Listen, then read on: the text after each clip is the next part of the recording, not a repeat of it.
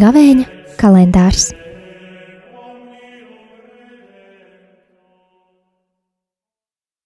Otrais aprīlis - sestdiena.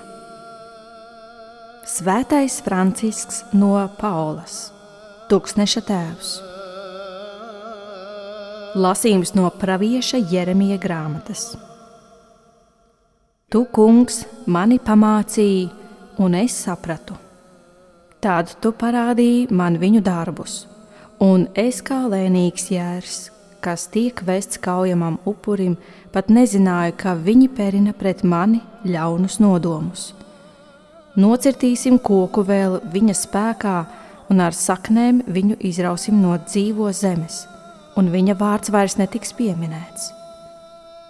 Un tu, debespulku kungs, kas tiesā taisnīgi un izpēti nieres un sirdi, Kaut es redzētu pār viņiem tavu atmaksu, jo tev es uzticēju savu lietu.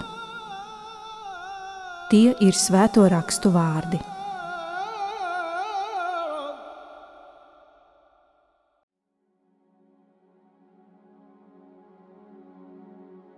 Ar šiem vārdiem pravietis Jeremijā lūdz Dievu. Dievs viņam bija atklājis skumju patiesību, kas dziļi satricināja viņa sirdī.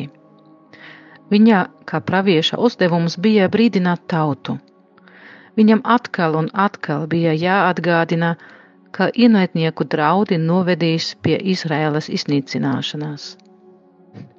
Tā rezultāta viņš pats kļuva tik nepopulārs, ka pat viņa radinieki mēģināja viņu nogalināt. Cik sāpīgi, jo viņš negribēja to atzīt pēkšņi tiek sagrauta arī viņa personīgā pasaules drošība. Viņš ir apjucis un dusmīgs. Interesanti, ka vispirms uz sevi, nevis uz citiem. To es ļoti labi zinu.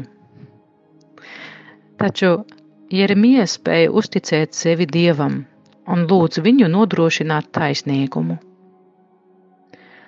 Šodien pravietis Jeremija man ir paraugs, kā atpazīt dieva mīlestību pat nepatikāmās patiesības un sāpīgas vilšanās, un nevis ienīst tos, kas tos runā.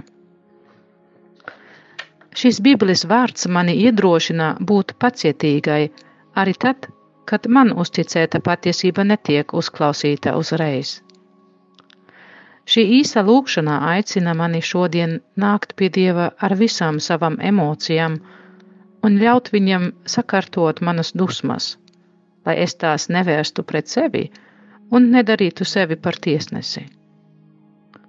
Šodien es centīšos dot vairāk vietas patiesībai, pat ja reizēm tā ir neērta, cerībā, kā beidzot to sadzirdēs visi un iestāsies miers.